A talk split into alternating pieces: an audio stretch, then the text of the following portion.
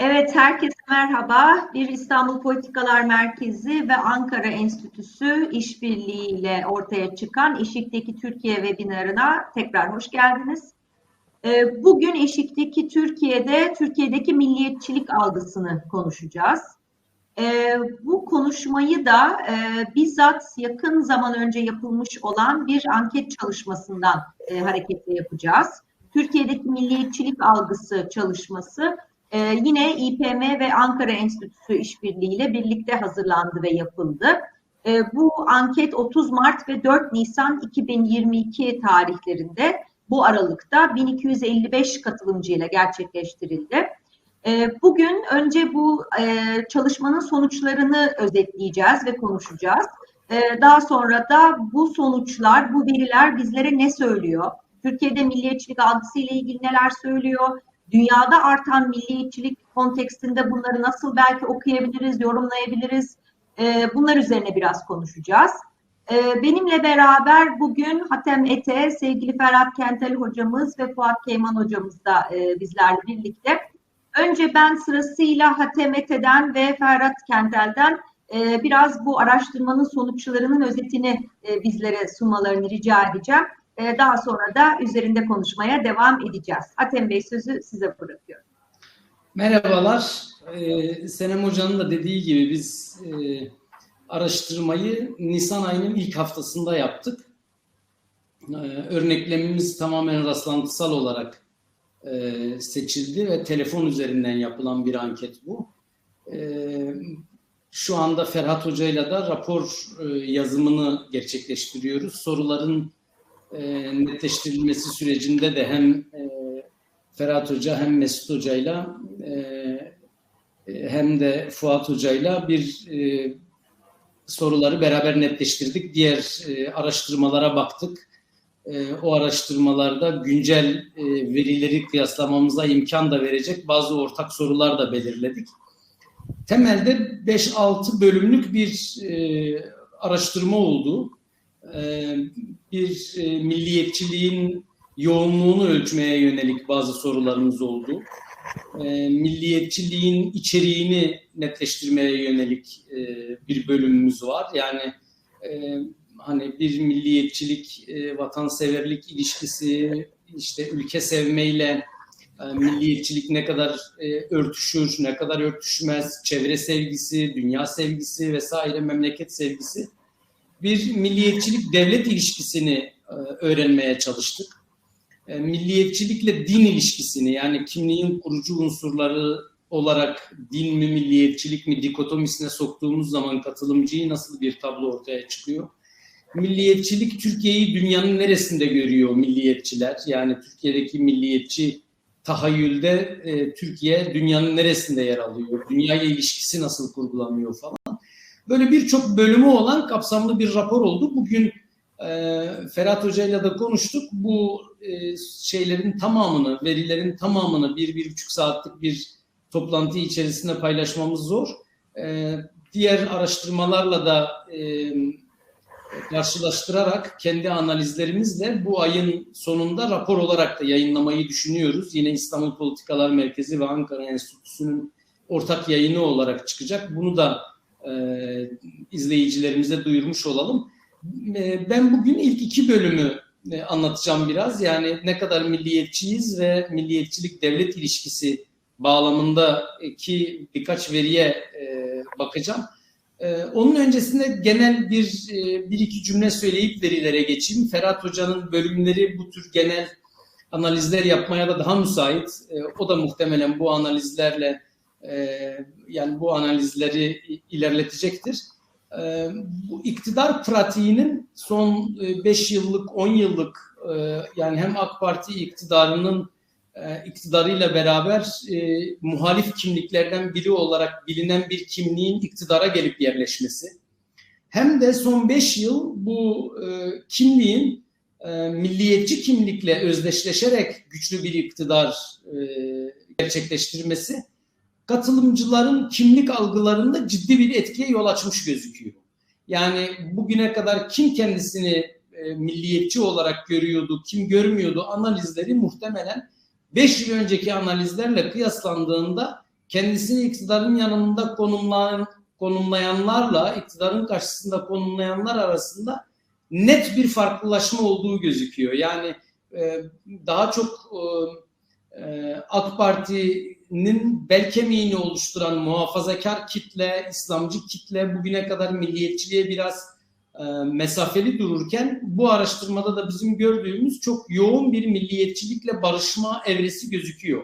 Yani kendisini İslamcı olarak tanımlayanlarda biraz ortada durma durumu hala gözükse bile güçlü bir milliyetçilik perspektifi var. Benzer bir şey muhalefet kanadında da var. Yani İyi Parti'nin ve CHP'nin temsil ettiği kitle e, Atatürkçülük ve işte Kemalizm üzerinden kendisini tanımlayan kitleyle milliyetçilik arasında normalde e, güçlü bir bağ olması gerekirken e, iktidara muhalif olmanın getirdiği bazı sorularda kendisini biraz iktidar ideolojisinden ayrıştırma dolayısıyla bir uzaklaşma görebiliyoruz.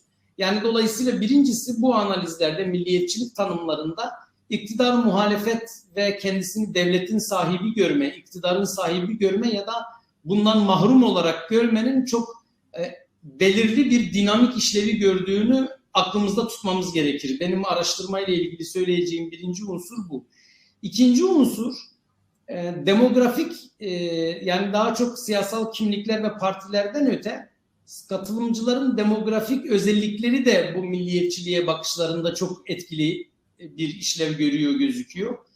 E, yaş, eğitim, gelir durumu e, çok net bir ayrım ortaya koyuyor. Yani e, yüksek eğitim ve yüksek yani gelir ve eğitim e, milliyetçilikle daha ters bir orantıya sahipken e, yüksek eğitimliler ve yüksek e, gelir grubundakilerde milliyetçilik eğilimi biraz daha e, zayıfken diğerlerine kıyasla göreceli olarak e, tersinden bir şey yaşla ilgili olarak devrede daha genç kesimde milliyetçi eğilimler daha düşük e, e, yaş e, daha yaşlı kesimde milliyetçilik eğilimi daha yüksek olarak gözüküyor. Yani bunu araştırmanın tamamına sirayet edilebilecek bir şey olarak görebiliriz. Bu temel iki vurgudan sonra bir e, milliyetçilikle ilgili temel birkaç e, slide e, göstereyim ben de.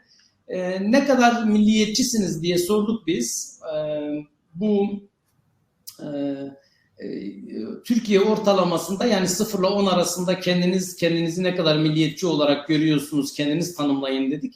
Türkiye ortalaması 7.5 e, çıktı. Yani %75 e, diyebiliriz buna. %75'i kendisini milliyetçi olarak konumlandırıyor. Bunun alt şeylerine girdiğimiz zaman devam edebiliriz Melisa bir sonraki slayta ee, burada belirleyici olan bence dikkat etmemiz gereken en önemli nokta e, neredeyse yüzde 50'nin kendi milliyetçilik frekansını 10 üzerinden 10 olarak vermesi. Yani kendinizi ne kadar milliyetçi olarak görüyorsunuz dediğimizde toplumun katılımcıların e, yüzde 50'ye yakını e, milliyet yüzde 100 milliyetçi görüyor. Milliyetçilik yoğunluğu çok yüksek bunun e, yaklaşık yüzde 20'ye 20-25 e, diyelim yüzde 25 ise kendisini 5 ve altında milliyetçi olarak değerlendiriyor. Yani milliyetçilikle daha gevşek bir bağ kuran katılımcı sayısı yüzde 25 iken e, yüzde 75'i güçlü bir milliyetçilik duygusuna sahip olduğunu söylüyor. Devam edelim. Siyasi partiler üzerinden baktığımız zaman da beklenebileceği gibi ilk iki sırayı e, MHP ve İyi Parti alıyor. Bunları da e, AK Parti e, takip ediyor. Yine yani bu e, parti dağılımında da sürpriz bir e, unsur yok. Demografik olarak bakıldığı zaman da biraz önce söylediğim veriyi destekleyen bir veri var. 55 ve yaş 55 e, yaş ve üstünde 8 e, ve üzeri bir milliyetçilik yoğunluğu varken genç kesimde bu 7 civarında kalıyor. Düşük eğitimlilerde yine 8 üzerindeyken yüksek eğitimlilerde 7'nin altında bir e, şey var. E, gelir grubu üzerinden baktığımız zaman da düşük ve orta gelirlerde 8'e yakınken yüksek gelir grubunda 7'ye yakın bir e, noktada e, duruyor bu. Şimdi bu genel şeyden sonra biz e, Ferhat Hoca, Fuat Hoca ile falan soruları netleştirirken dedik ki bazı keskin kanaatleri soralım ve bu keskin kanaatler üzerinden e, bir e, şeye tabi tutalım katılımcıları. E, beşli Likert ölçeğini kullandık. Kesinlikle katılıyorum, katılıyorum, ne katılıyorum, ne katılmıyorum, katılmıyorum ve kesinlikle katılmıyorum şeklinde. Burada da bazı temel önermeler verdik, ifadeler verdik ve bu ifadelere yönelik kanaatlerini almak istedik. İlk söyleyeceğim şey vatandaşlıkla ilgili sorumuz. Melisa geçebiliriz. İlk soru. TC vatandaşı olmaktan gurur duyuyorum e, sorusuna e, yaklaşık olarak yüzde 75'i kesinlikle katılıyorum ve katılıyorum diyor. E, katılmayanların e, toplamı yüzde 10'un altında. Yani Türkiye'de Türkiye Cumhuriyeti vatandaşlığından gurur duyma oranı oldukça yüksek. E, katılımcıların kendilerini milliyetçilikle özdeşleştirmesine benzer bir e, oran var. E, e, şeye göre baktığımız zaman e, etnik e, kökene göre baktığımız zaman çok e, bariz bir ayrım var. Yani e, Türklerde bu oran e, yüzde 70'in e, üzerindeyken kesinlikle katılma Kürtlerde neredeyse yarı yarıya düşüyor. E, yani dolayısıyla burada vatandaşlığın aslında e, epeyce Kürt nezdinde kapsayıcı bir kimlik tanımı olmaktan uzaklaştığı görülebilir. Fakat geriye kalanı kesinlikle katılmıyorum da demiyor. Yani Kürtler de kesinlikle katılmıyorum. Toplamda yüzde yirmileri bulmuyor. Fakat gevşek bir tabiyet var, gerçek bir gevşek bir e, bağlılık var denilebilir.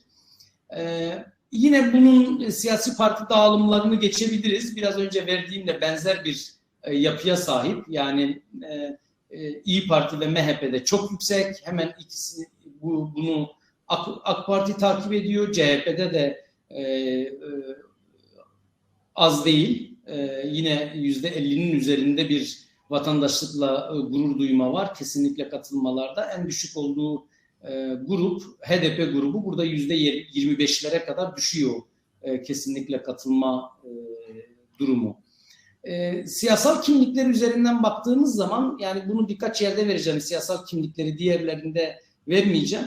E, aslında yine hangi grubun kendisini milliyetçilikle ve iktidarla özdeşleştirdiği ile ilgili bir genel fotoğraf vermesi açısından önemli. Daha sonra correspondence analiz üzerinden de bir iki harita vereceğim. E, kendisini ülkücü ve milliyetçi olarak tanımlayanlar en e, yukarıdaki iki grubu oluşturuyor. Bu iki grupta da e, ülkücü ve milliyetçi gruplarda yüzde seksene yakın bir Cumhuriyet Türkiye Cumhuriyeti vatandaşlığından gurur duyma var. En düşük kendisini bu vatandaşlık vurgusuyla ilişkilendirenler de Sırasıyla sosyalistler, kendisini sosyalist olarak tanımlayanlar, demokrat olarak tanımlayanlar ve e, liberal olarak tanımlayanlar. Bu üç gruptakiler e, yine bu milliyetçilikle ilgili bütün sorularda da üç aşağı beş yukarı böyle bir e, fotoğraf çıkıyor. Yaş meselesinde de biraz önce söylediğime benzer bir şey var demografiyle ilgili olarak. Bunları da geçebiliriz.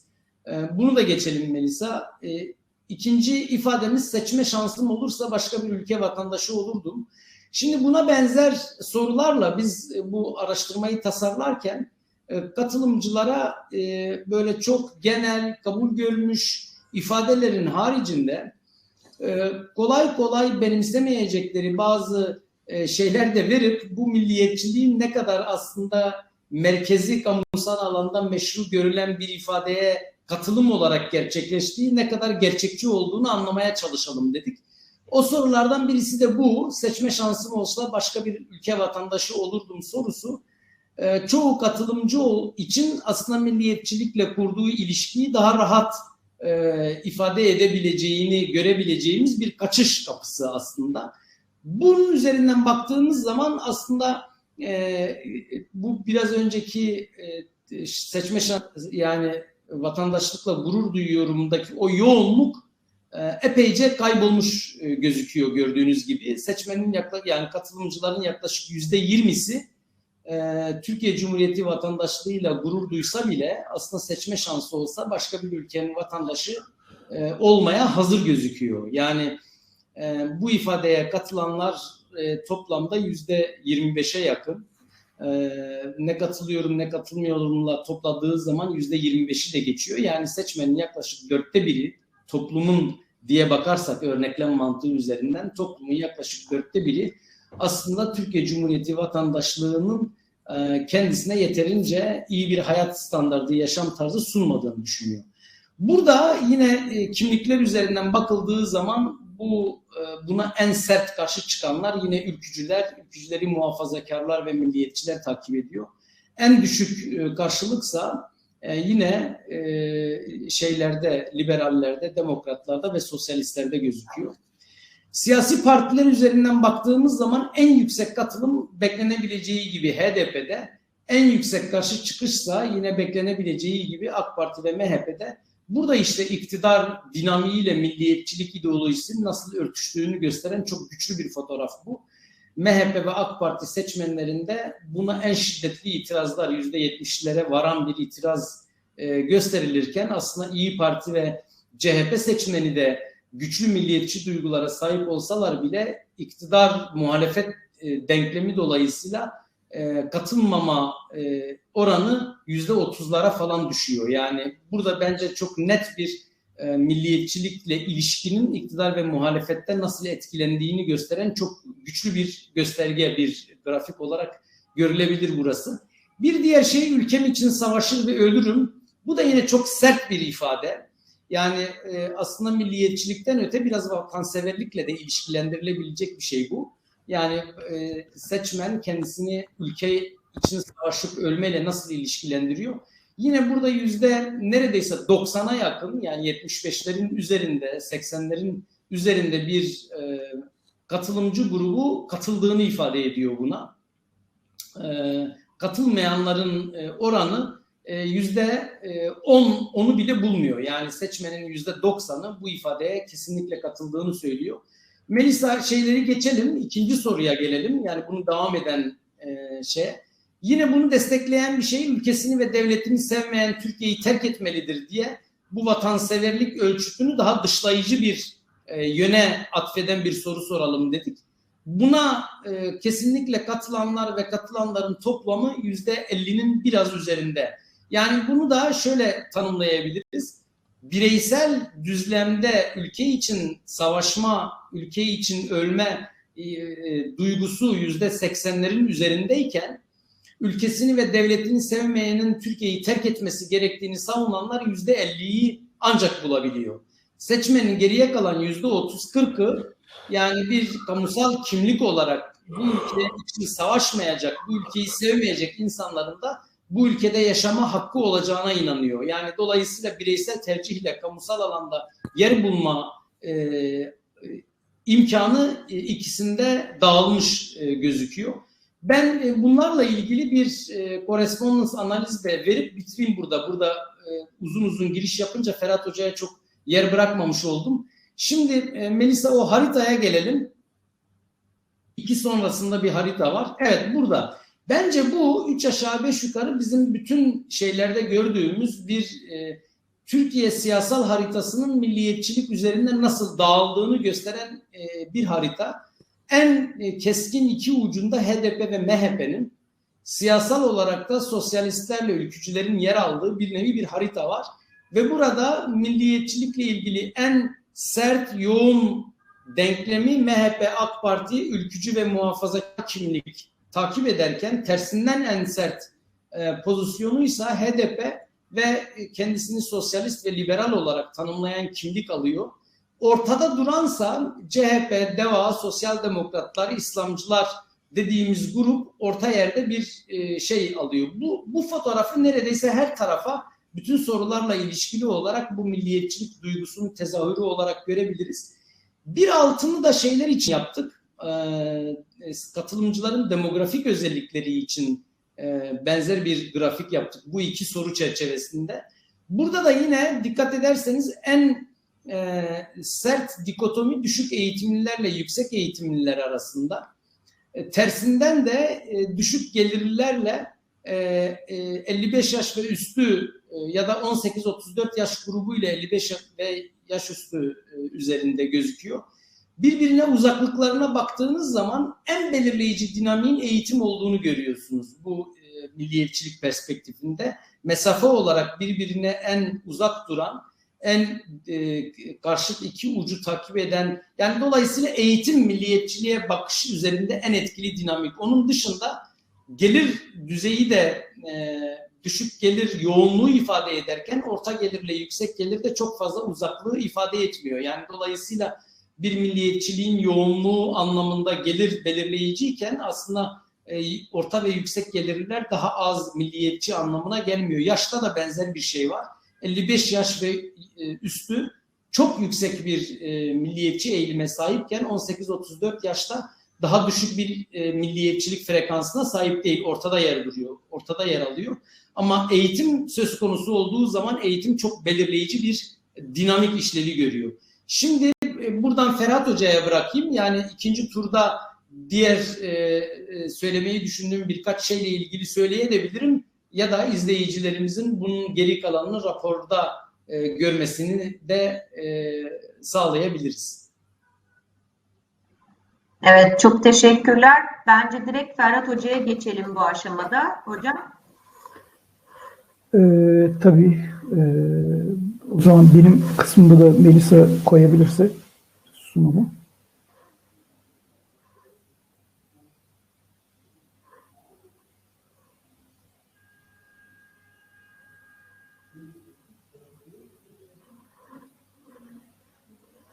Hı, geldi sanırım. Evet. Ee, şimdi benim e, sunacağım kısımda da e, üç bölüm var. Bir tane Suriye meselesiyle ilgili sonunda bir bölüm var. Onda vakit kalırsa onu da anlatmaya çalışırım ama önce bu nasıl milliyetçilik e, meselesinden başlayayım. Hatem'in aslında anlatmış olduğu birçok e, veya açmış olduğu birçok konu benim kısmım içinde geçerli. Yani bazı şeyleri belki e, altını çizmek için tekrar edebilirim. Onlar için kusura bakmayın ama çok önemli gördüğüm için tekrar edebilirim. Öncelikle ilk sorumuz ya da bu kısımdaki ilk ele alacağımız soru milliyetçilikle vatanseverlik arasında bir tercih yapmanız gerekirse hangisini seçersiniz e, diye bir soruydu. Bu aslında bayağı kilit sorulardan biri e, olarak çıktı bu soru. Çünkü e, yani işte bütün araştırma boyunca biz milliyetçilikten bahsediyoruz, insanların milliyetçiliğini ölçüyoruz falan ama vatanseverlikle karşılaştırıldığı zaman çok yoğun bir şekilde bir vatanseverlik, yurtseverlik ya da e, tercih ediliyor kavram olarak milliyetçiliğe kıyasla.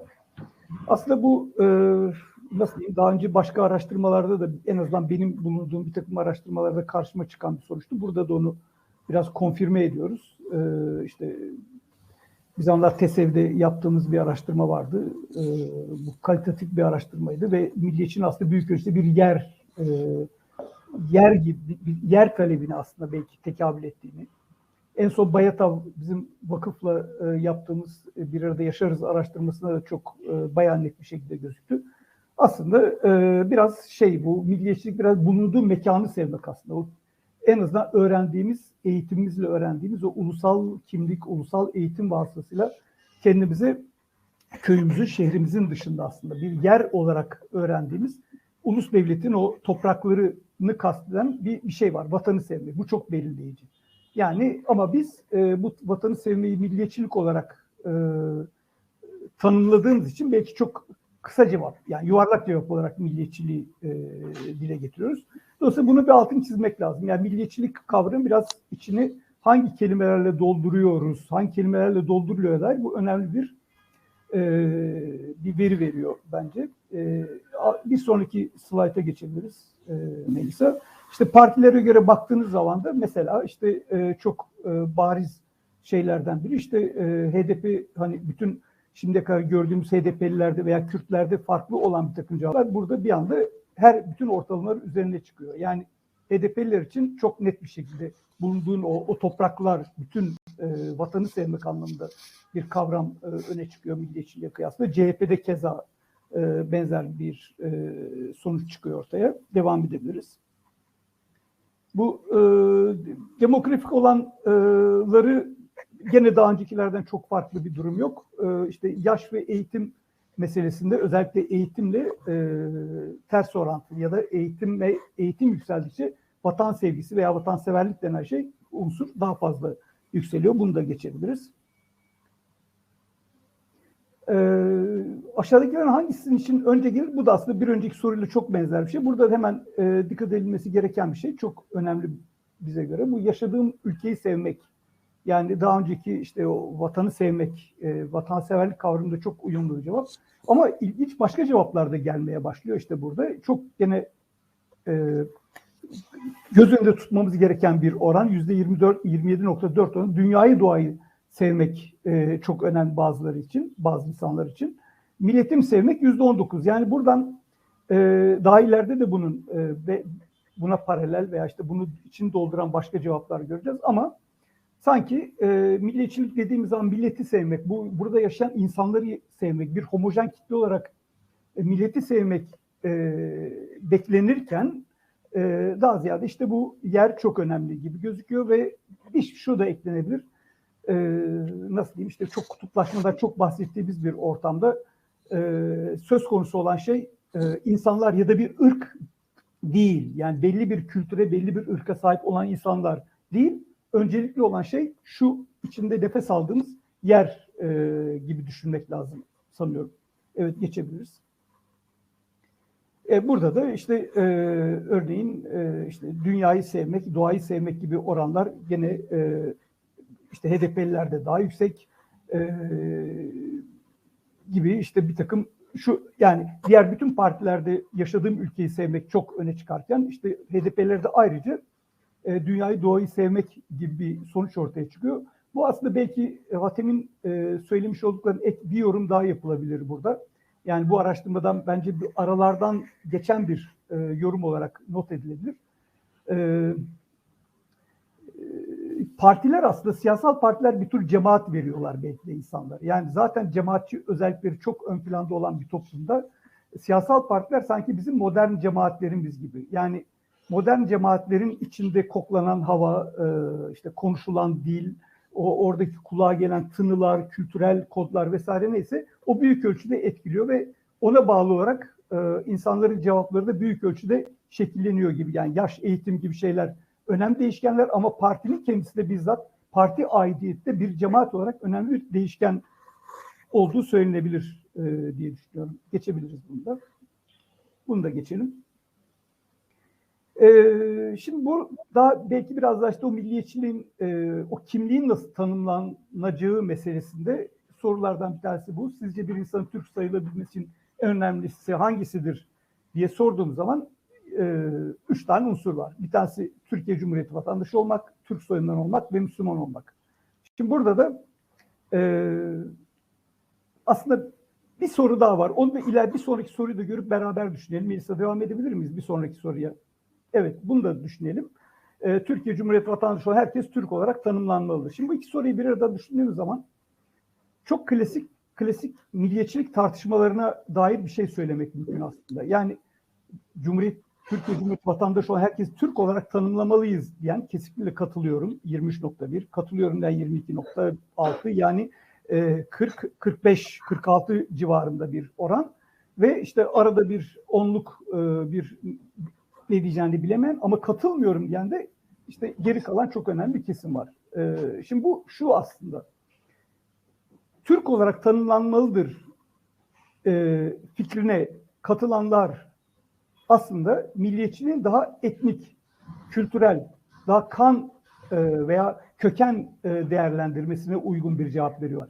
Yani e, işte biraz böyle dünya literatüründen e, esinlenerek söyleyecek olursak daha Alman milliyetçiliği ya da işte Türkiye'de öğretilen milliyetçiliklerden daha Orta Asya göndermeli bir Türk ırkı olarak bahsedilen bir milliyetçiliğe gönderme yaparken buna katılmıyorum diyenler veya bir önceki soruda işte sizce bir insanın Türk sayıları bilmesi için en önemlisi hangisidir derken Türkiye Cumhuriyeti vatandaşı olmak diyenlerin yüzde 43 oranı düşünüldüğünde sanki ikiye bölünmüş bir şey var. Yani iki tür e, vatandaşlık algısı var. Bir tanesi ırka dayalı, ötekisi toprağa dayalı. Yani daha böyle işte literatür Fransız e, referanslı milliyetçilik olarak adlandırılan bir milliyetçilikten bahsediyoruz. Bu da çok normal aslında. Çünkü zaten e, aslında belki de işte sunulan e, tepsinin içinde eğitimle sunulan e, milliyetçilik tepsinin içinde iki tane şey var. Yani işte ikisi de sürekli arka arkaya geliyor. Birisi Orta Asya'dan geldik diyor. Birisi e, biz bu topraklarda işte bir araya gelmiş bir alışımımız diyor. Bu toprakların kendisinin bir kutsiyet e, inşa ettiğini söylerken aslında hem toprak esasında dayalı hem kültür, köken, etnik temelli iki milliyetçiliği birden sürekli biz burada yaşıyoruz.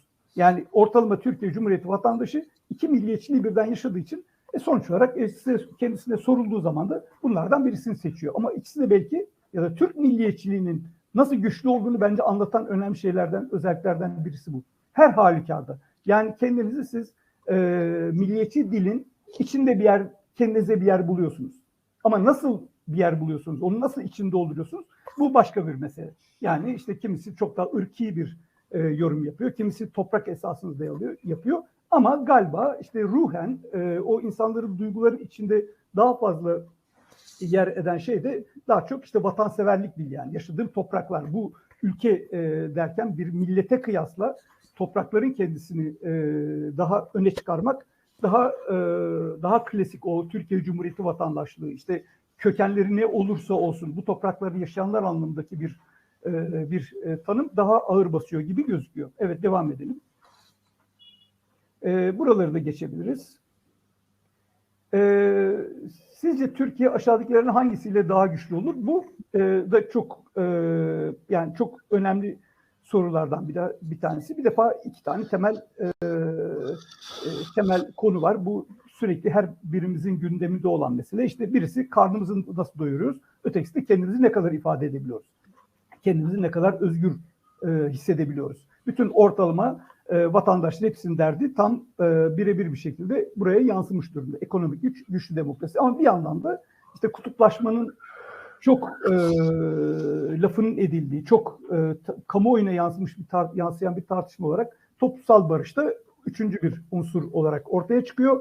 Ama burada bence dikkat etmemiz gereken şey şu, askeri güç daha böyle e, o bu gene ilerleyen e, bölümlerde gene karşımıza çıkacak olan Hatem'in de bir şekilde değinmiş olduğu o devlet ve devletle örtüşmüş olan güç imajı konusu aslında görüldüğü gibi çok da e, ön planda değil. Yani sırf militarist bir milliyetçilikten ziyade aslında insanlar iyi yaşamak istiyorlar. Belki bu e, bunun altı çizilmeli. Mesela tabii burada işte bir, bir sonrakine geçersek partiler bazında e, bir takım unsurları görebiliriz. İşte e, mesela işte toplumsal barış, güçlü demokrasi e, gibi işte CHP'de veya HDP'de, İyi Parti'de, muhalefet partilerinde ortaya çıkan bu eğilimlerde biraz bu şeyi de gösteriyor bize. İşte az önce söylemiş olduğum parti ve cemaat e, ilişkisini de gösteriyor. E, bir partiye aitseniz e, o partinin dili bir şekilde sizin diliniz haline geliyor ve orada mesela işte e, ne bileyim gerekirse askeri e, MHP'de olduğu gibi işte askeri bir dil daha fazla öne çıkıyor. E, bir burada e, söylemem gereken başka bir şey var mı? Yani bu e, muhalefet ve iktidar olmakla ilgili çok önemli şey. Yani demokrasi e, her zaman için e, muhalefet olanların meselesi aslında. Çünkü iktidarda olduğunuz zaman zaten demokrasi olarak yapacağınız bir şey yok. Zaten cennet olduğu duygusunu sürekli benimsiyorsunuz. Cemaatiniz size bunu söylüyor. O yüzden bu partiler arasındaki farklılaşmada bunu görebiliriz. Geçebiliriz bir sonraki e, soruya. Bu, şimdi benzer bir soru da bu. Türkiye silahlanmaya harcadığı kaynağı eğitim, sağlık gibi alanlara harcamalıdır. Bu da bayağı radikal bir soru aslında. Yani işte e, Ukrayna Savaşı, Rusya vesaire Rusya'nın istilası, işte güneyimizdeki Suriye meseleleri, savaş yani her yerde bol bol savaşın lafının edildiği, işte dolayısıyla buna bağlı bir güçlü e, silahlanma, işte e, silahlanma sanayi, silah sanayi gibi takım lafların edildiği, işte Amerika'nın Rusya'ya karşı yaptırımları, ortalıkta silahın konuşulduğu bir ortamda şey beklemek aslında çok e, nasıl diyeyim yani beklenebilir bir şey. Yani silahlanmadan vazgeçemezsiniz. Ama e, görüldüğü gibi eğitim, sağlık gibi alanlara harcanmalıdır bu silahlanmaya harcanan paralar, kaynaklar derken buna katılanların oranı yüzde 55'e varıyor ve e, katılmayanlar bu oran, bu alanda çok daha düşük. Yani e, bir, bir önceki soruyla beraber düşündüğümüz zaman bu da işte gene Hatem'in dile getirdiği sözlerden birini ödünç alıp şey diyeyim. Biraz böyle milliyetçinin çıkış kapıları gibi. Yani hepimiz milliyetçiyiz tamam burada itiraz yok ama e, arkasından bu milliyetçiliğin içinde daha böyle belki onu e, relativize edecek, onu görelileştirecek bir takım e, bir takım e, kavramları falan bulmak mümkün. Burada partilere göre baktığımız zaman da Melisa bir sonraki şeye geçersek e, şimdi şu, şu aslında bir tarafta silahlanma, askeri güç, öbür tarafta eğitim, sağlık gibi e, alanlar karşılaştırması yaptığımız zaman çok basit söyleyecek olursak silahlanma, askeri mesele devlet meselesidir.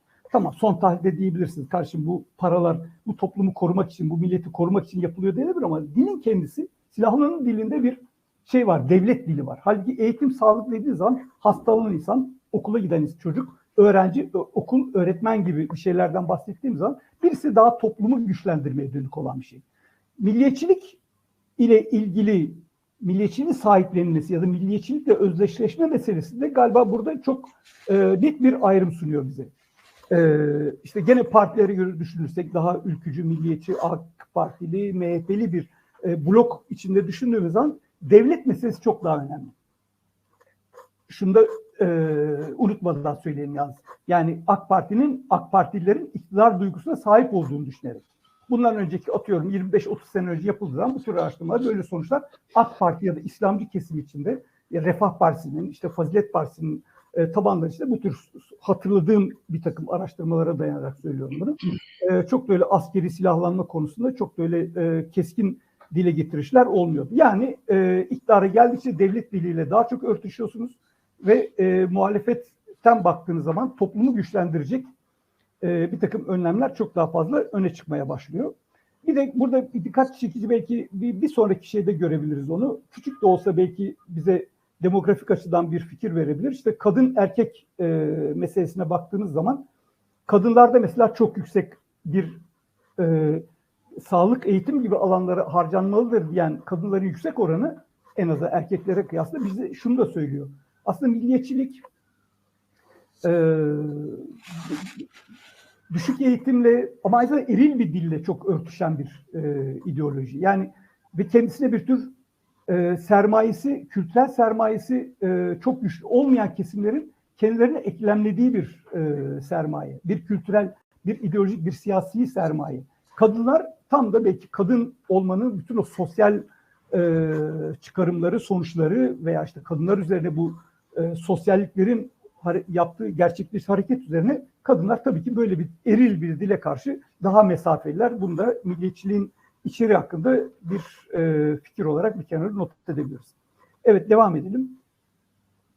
Milliyetçilik dil ilişkisi. Şimdi bu ilişki e, de çok e, ilginç. Bir defa öncelikle bu çok oynak bir ilişki. Yani e, genel olarak e, işte daha dindar, daha dinle bağlı bir takım e, kesimlerin e, işte şu an itibariyle AK Parti veya MHP tabanında daha çok olduğunu varsayarak e, orada bir milliyetçilik ve din arasında bir ilişki olduğunu varsayıyoruz. Ama bu, bu da çok e, biraz çöz, çöz, düğümler açıldığı zaman içinden başka manzaralar çıkıyor. Birincisi bu, ülkeme bağlılığım dinime bağlılığımdan daha fazladır dediği zaman katılmıyorum diyenler çok yüksek. Ya katılıyorum diyenler topladığınız zaman işte e, 27, 28, yüzde 28 civarında. Bilemeyenler var ve gerisi işte e, yüzde 60'ların üzerinde bir kesimde e, dinine çok daha bağlı olduğunu söylüyor. O zaman bir kere daha çıkıyor karşımıza. E, özellikle dinden baktığınız zaman e, bütün şimdiye kadar söylediklerimizi bile belki yeniden düşünmemizi e, gerektirecek bir sonuç ortaya çıkıyor. Ama bir unsur var ki çok bence alt çizilmesi gereken HDP'liler e, veya Kürtler e, arasında özel Kürtler arasında dine bağlılık e, çok yüksek ama milliyetçi politikalarda bir o kadar da uzak. Bu şu oluyor. Demek ki din otomatik olarak bir ülkeye veya milliyetçiliğe bağlılık diye bir şey yaratmıyor. Yani e, din bir yere kadar bir şeyi meşrulaştırıyor. Kültürel, o milliyetçinin içini kültürel olarak doldurmak üzere bir e, unsur olarak devreye giriyor. Eti budu oluyor yani. Milliyetçiliğin içi doluyor bu din sayesinde. İşte Türklük eşittir İslam veya Müslümanlık gibi. Ama aynı zamanda sadece belli zaman, belli dönem, belli insanlar için geçerli bir şey. Her durumda geçerli olmuyor. Her durumda din milliyetçinin içini doldurmuyor. Şekilde görüldüğü gibi e, şey e, kesimde olduğu gibi.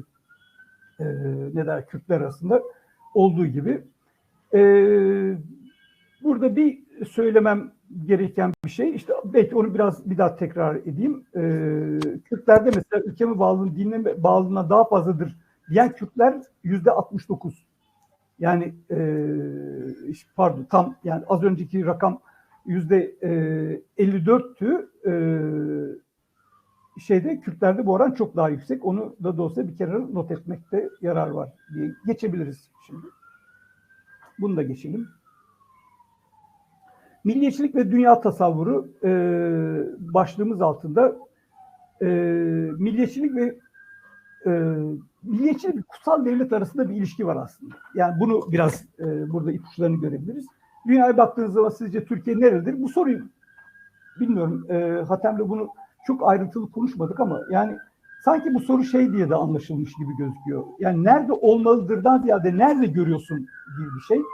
Ve e, gelen e, cevaplar aslında bir anlamda çok belki e, nasıl doğal bir cevap. Hem doğulu hem batılı. Yüzde 60'ın üzerinde bir e, insan kitlesi e, Türkiye'yi hem doğulu hem batılı diyor, tanımlıyor.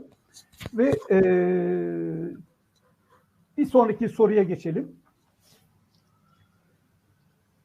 Bir tane daha. E, pardon. Evet, bu Türkiye dış politikada nereye yönelmeli sorusuna alınan cevaplar da aslında bu da çok e, gene ilginç bir şey. Hemen ilk üç soru, ilk üç cevabı e, yorumlarsak, işte bir tanesi Türk dünyasına yönelmeli, bir tanesi Avrupa'ya yönelmeli, ötekisi Orta Doğu ve Müslüman dünyasına yönelmeli. Bu Avrupa yönelmelinin yanına ABD'ye yönelmeliyi de birleştirerek yani da Batı'ya yönelmeli gibi bir e, sonuçta toplarsak aslında belki Türkiye'nin Osmanlı'dan beri süren e, o üç tarzı siyaset diyebileceğimiz e, o duygunun nasıl e, bu toplumun e, ma haritasına işte o kültürel coğrafyası nasıl serpiştirilmiş olduğunu da görüyorsunuz. Yani hiç kimse veya toptan bir e, büyük bir oranla belli bir e, tarafa yönelmekten ziyade çok daha bakışını farklı taraflara çevirmiş bir e, toplumdan bahsetmek gerekiyor. Yani evet işte yüzde 39 e, gibi Türk dünyası diyenler var. Yüzde 33, yüzde 34 artı 10 eklerse yüzde 44 civarında batıya yönelmeli diyenler var. Orta Doğu Müslüman dünyasına yönelmeli diyen yüzde 29'luk bir kitle var. Şimdi son zamanlar tabii Rusya, Çin gibi bir takım alternatifler de girdiği için e, bir takım işte yeni belki alternatifler ama en temelde Batı, Türk ve İslam e, diyebileceğimiz bir e, bir bölünmeden bahsedebiliriz. Geçebiliriz Melisa. Bunu da geçelim. E, pardon. E, şey e, geçtik mi başka ülkeler ihtiyaç içinde olsalar bile benim için ülkenin çıkarları gelir sorusunu atladık mı yoksa daha mı sonra? Evet bu. Ee, başka ülkeler ihtiyaçında olsalar bile benim için önce ülkemin çıkarları değil. Burada da işte yüksek oranda bir katılma var. Yüzde 48 buçuk. Daha sonra işte e, kesinlikle katılıyorum, katılıyorum. Ülke evet çok önemli. Şimdi bunu aynı anda diğer soruyla birlikte e, ele alalım. Yani Türkiye tam bağımsız olmalı. NATO, AB gibi uluslararası kuruluşlara, birliklere dahil olmamalıdır. Diyerek öteki slayta geçelim. Bir tane daha geçelim. Bir tane daha. O bir dakika pardon geride kaldı galiba çok özür dilerim. O bir atladık onu. Bir, bir önceki olması lazımmış. Türkiye tam bağımsız olmalı. Evet bu. Ee, şimdi e, bu iki soruyu birlikte düşündüğümüz zaman yani e, uluslararası ilişkiler konusunu aslında böyle biraz genellemeye çalışacağım bu iki sorudan aldığımız yorumları. Ee, tam burada aslında biraz şey mesela AKP aslında tam belki veya AK Parti taraftarları diyeyim işte bu konuda en genel ortalamaya çok yansıtan bir kitle halinde. Yani hem milliyetçinin etkilerini hem de devletin mesela başta Suriye olmak üzere böyle uluslararası platformu attığı adımlarının kesişiminde yaşıyorlar. Yani işte e, adım atmalı Peki ama uluslararası bir rol oynayacaksın, oynamak gerekiyor. Ama NATO, AB gibi bir takım yerlerde olmayacaksın. Bu aslında biraz iki soruda da e, böyle bir e, şey var. Sanki işte AKP kanadında AK Parti tabanı nezdinde böyle bir şey var. Yani e, dışarı adım atalım ama dışarıyla bağlantımızı koparalım veya dışarımız dışarıyla bağlantımız çok daha mer- biz mer- bizim merkezde olduğumuz bir e, rol oynayalım e, eğilim var. Ve bu e, biraz yani uluslararası alanda etkili olmayı arzulayan bir tavır bir tarafta. İşte e, AK Parti, MHP, işte daha muhafazakar kesimler. Diğer uçta da daha liberal ve sosyalist kesimlerin e, tavrı var. Yani orada mesela işte e, muhtemelen Avrupa Birliği gibi takım unsurlar düşünüyor. Avrupa Batı gibi bir takım referanslar var. Burada ilginç bir şey var. O da Atatürkçüler mesela. E, çok ilginç. E, yani Atatürkçüler e, aslında muhafazakarlar gibi düşünüyorlar mesela. Yani işte uluslararası kuruluşları birlikte dahil olmayalım. Ama bir yandan da işte bu dışarı e, bağlantılar konusunda da ülke ulusal çıkarlarımızı e, önde tutalım. Sanki bir iki buçuk tavırdan bahsetmek mümkün galiba. Burada işte bu e, tam zamanında geldi Melisa'nın e, yolladığı şey. Slide'da biraz e, bakarsanız işte haritanın sağ üst köşesinde Atatürkçü, İyi Parti, ülkücü, milliyetçi yani bir sürü soruda e, muhafazakar AKP'li ve kesimle çok mesafeli olan e, bir kesim uluslararası politika olduğu zaman bu devlet devletin imajı ülke çıkarları olduğu zaman aslında bayağı örtüşen bir e, bir tavır e, dikkatimizi çekiyor. Bence burada not edilmesi gerekiyor e, sanıyorum. E, bir sonraki soruya geçebiliriz. Pardon, bu arada e, Suriye meselesine geldik ama onun öncesi söylemek istediğim bir iki bir şey var. E, o e, Hatem'in e, kısmında da vardı galiba. Bu eleştirmek, ulusal e, veya devlet politikalarını eleştirmek e, vatana ihanet midir, değil midir e, diye bir sorumuz vardı. Onu e, buraya kendime not almıştım, onu bir paylaşmak istiyorum sizinle. E, yani e, evet hakim bir kanaat var, hakim bir e, milliyetçilik algısı var, bir dil var. O dilin yaptırımı var, bir söylem olarak bir şey yaptırıyor. Ama e, gene işte Hatem'in altını çizdiği bazı sorularla biz o o genelliğin altındaki ayrıntıları görmeye çalışırken bu da a, aslında yani ortaya çıkıyor. Evet genelde işte o kanaatler onaylanıyor. E, ama galiba işte e, bu araştırmadaki bu tür e, alternatif sorularla biraz o standart tekrarlanan e, unsurların dışına biraz çıktık, e, çıkıldı gibi hissediyorum. Yani işte eleştirmek vatana ihanet değildir mesela diyor işte insanların büyük çoğunluğu. O da e, milliyetçiliğin galiba biraz bu içini doldururken kullanmamız, bakmamız gereken unsurlardan biri olarak düşünülebilir. Son olarak Suriyelilerle ilgili çok uzattım ama e, hemen Suriyelilerle ilgili bir iki bir şey söyleyeyim. Çok fazla ayrıntıya girmeyeceğim burada. Suriyelilere vatandaşlık verilmesini doğru buluyorum e, sorusuna geçelim. Bir sonraki soru olması lazım o. Bu e, katılmıyorum diyenler çok yüksek. E, katılmayanlar da bunu bir partilere göre olanı da bakabiliriz. E, bir sonraki e, slide olması lazım.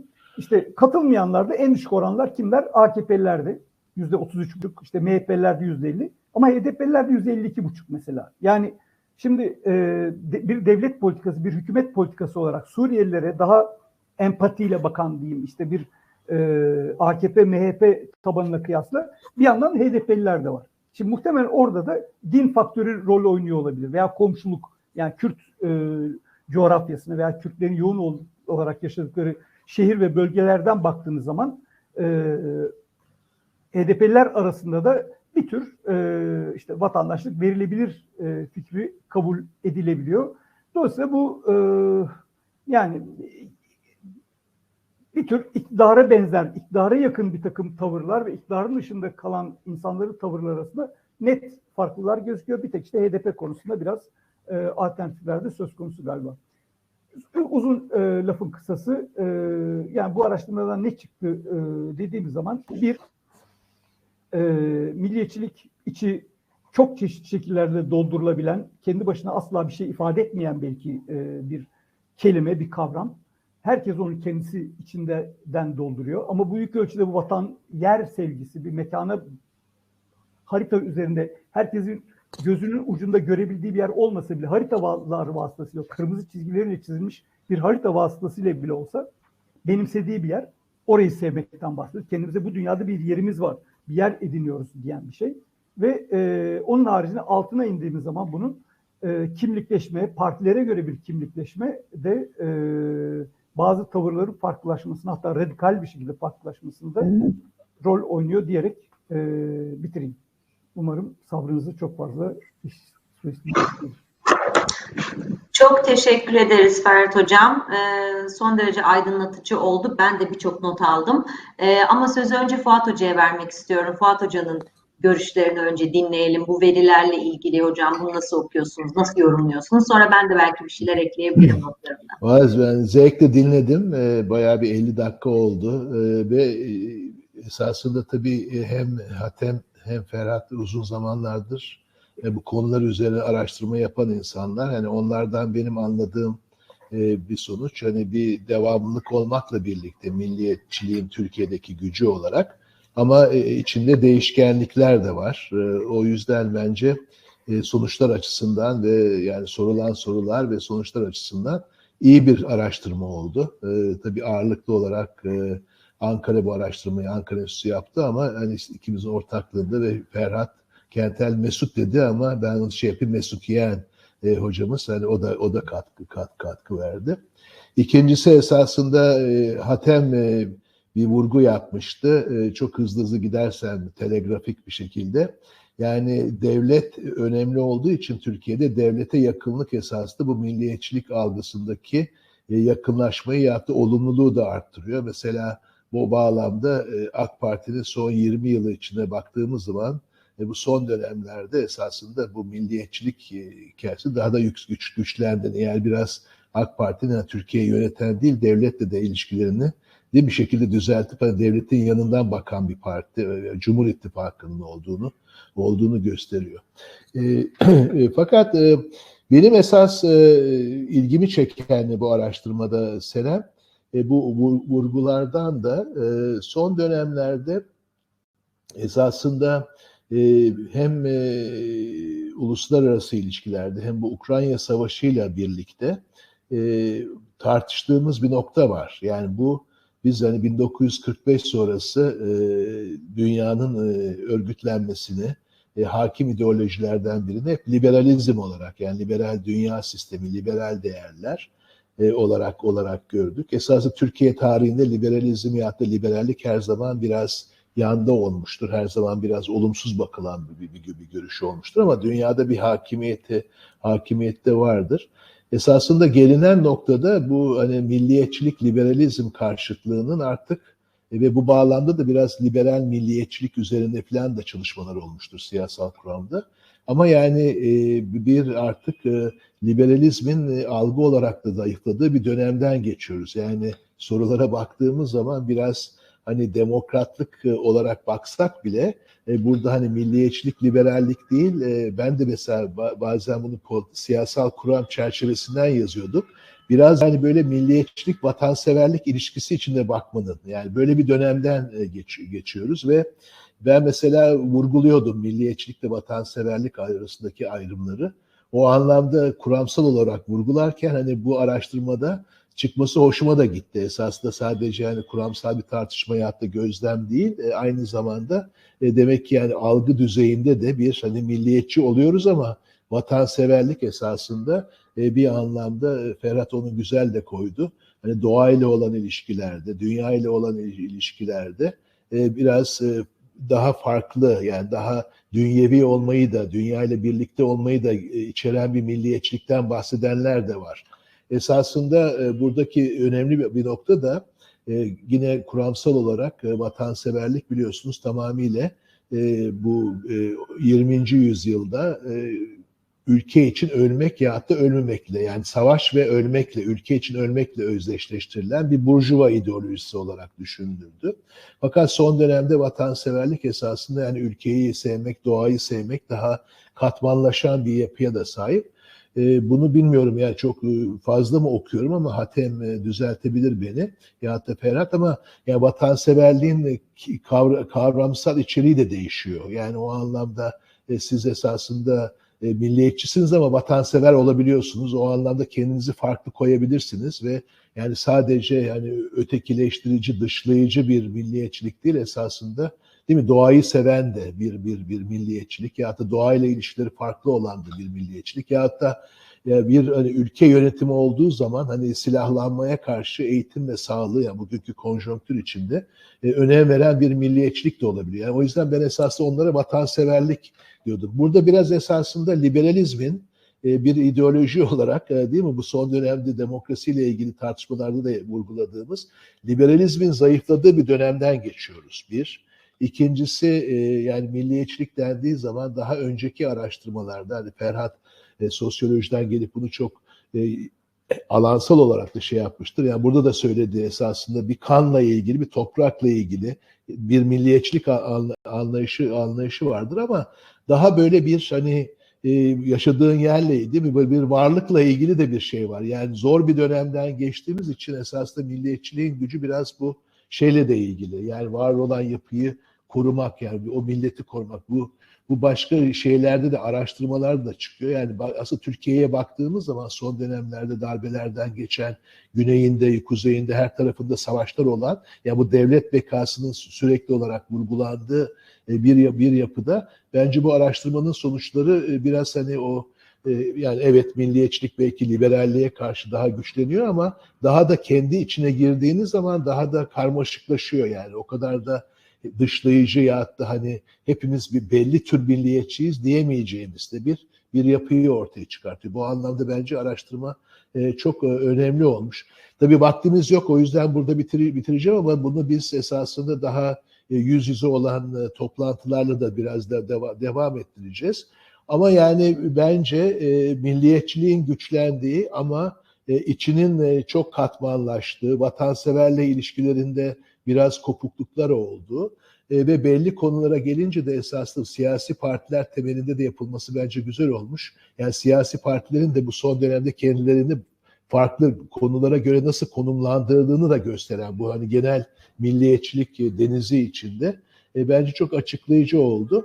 E, bunu zaten bu şekilde yapmak da istiyorduk. Biraz da devam devam ettireceğiz. O yüzden ben hani Hatem'e ve Ferhat'a teşekkür ederim. Yani güzel bir şey oldu ama buna bunu biraz Eylül ayında daha fiziki olarak daha derinlemesine e, tartışmaya devam edeceğiz. Deyip bitireyim burada. Evet Fuat Hocam izin verirseniz ben de e, programı bitirmeden birkaç bir şey söylemek istiyorum. E, belki sizin söylediklerinize de ek olarak e, ben de çalışmayı çok değerli buldum. E, ve şunu da aslında bu çalışmadan belki gözlemlemek mümkün. Yani Türkiye'de bu olan biten bazı bu trendler de aslında küresel düzeyde de birçok yerde gözlemlediğimiz e, e, tablolara benziyor. Yani mesela ilk başta e, Hatem Mete bahsediyordu yani bu eğitim mesela eğitim düzeyi ve yaşla milliyetçilik arasındaki ilişkiden bahsederken örneğin yani belki her ülkede böyle değil ama işte İngiltere'de Brexit oylamasında bunun böyle olduğunu gördük. Yani bu milliyetçilik işte eğitim düzeyinin e, beraber gitmesi, bazen işte yaşla beraber gitmesi, e, yani aynı zamanda liberalizmin hani, e, gücünü kaybettiğinden bahsetti Fuat Hoca. Bir anlamda milliyetçiliğin de aslında yükseldiğinin çok konuşulduğu bir küresel e, konjonktürden bahsediyoruz. Onu da belki göz önünde tutmak lazım. Yani oraya da oturuyor aslında bu e, bulgular diye düşünüyorum. Bu vatanseverlik, milliyetçilik ayrımı evet benim de hoşuma gidiyor. Ama orada tabii sizi dinlerken şunu da merak ettim. Yani e, sorulduğu zaman acaba vatanseverliği nasıl tanımlıyorlar? Yani vatanseverlik ve milliyetçilik arasında nerede bir fark görüyorlar? Yani bizim hani bahsettiğimiz işte vatanı sevmek, doğayı sevmek vesaire mi yoksa e, daha başka bir şey mi? E, yani o, onu biraz e, beni düşündürdü. E, tabii şu endişe verici ama Türkiye'de yeni bir durum değil. Yani vatandaşlık temelli millet anlayışının halen çok zayıf olması e, yanlış hatırlamıyorsam yüzde 40 civarlarındaydı yani vatandaşlık temelli milliyetçilik anlayışını. Yani bu hani 90'larda çok yazıldı çizildi, 80'lerde vesaire yazıldı çizildi ama halen e, burada yani zayıf bir anlayış olduğunu görmek bence endişe verici. E, bir de son olarak yani bu uluslararası ilişkiler perspektifinden baktığımızda yani nasıl uluslararası e, işte, siyasette Türkiye daha hibrit, daha liminal bir ülke olarak çokça konuşulur. Yani hem ne doğuda ne tam batıda e, esasen Türkiye'nin de yani kendisine bu atfedilen e, bu hibrit, bu liminal e, kimlik algısının vatandaşlar düzeyinde de genel kabul gör, gördüğünü görüyoruz. E, ama enteresan olan bence burada yani Türkiye'deki bu kadar batı karşıtlığına rağmen yani özellikle yukarıdan pompalanan Batı karşıtlığına rağmen halen nüfusun yüzde 44-45 civarıydı sanırım. Toplamıştım bu hem Amerika hem Avrupa bağlamında siz sunarken. E, batıya Türkiye'nin yönelmesi gerektiğini söylemesi e, bence enteresan. Yani, yani en azından içinde bulunan konjonktürde.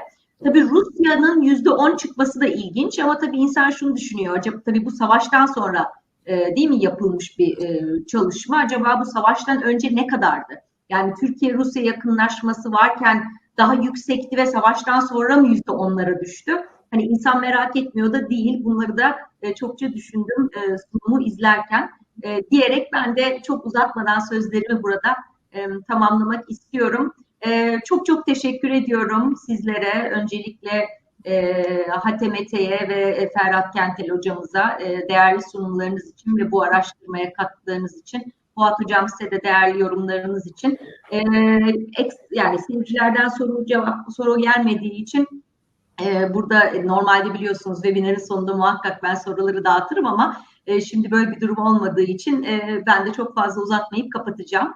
E, çok tekrar çok çok teşekkür ediyorum. Dinleyen, dinleyenlere de çok teşekkür ediyorum. Bir başka eşikteki Türkiye'de görüşmek üzere. Çok sevgiler, saygılar. İyi öğleden sonra. Teşekkürler, iyi günler. İyi günler.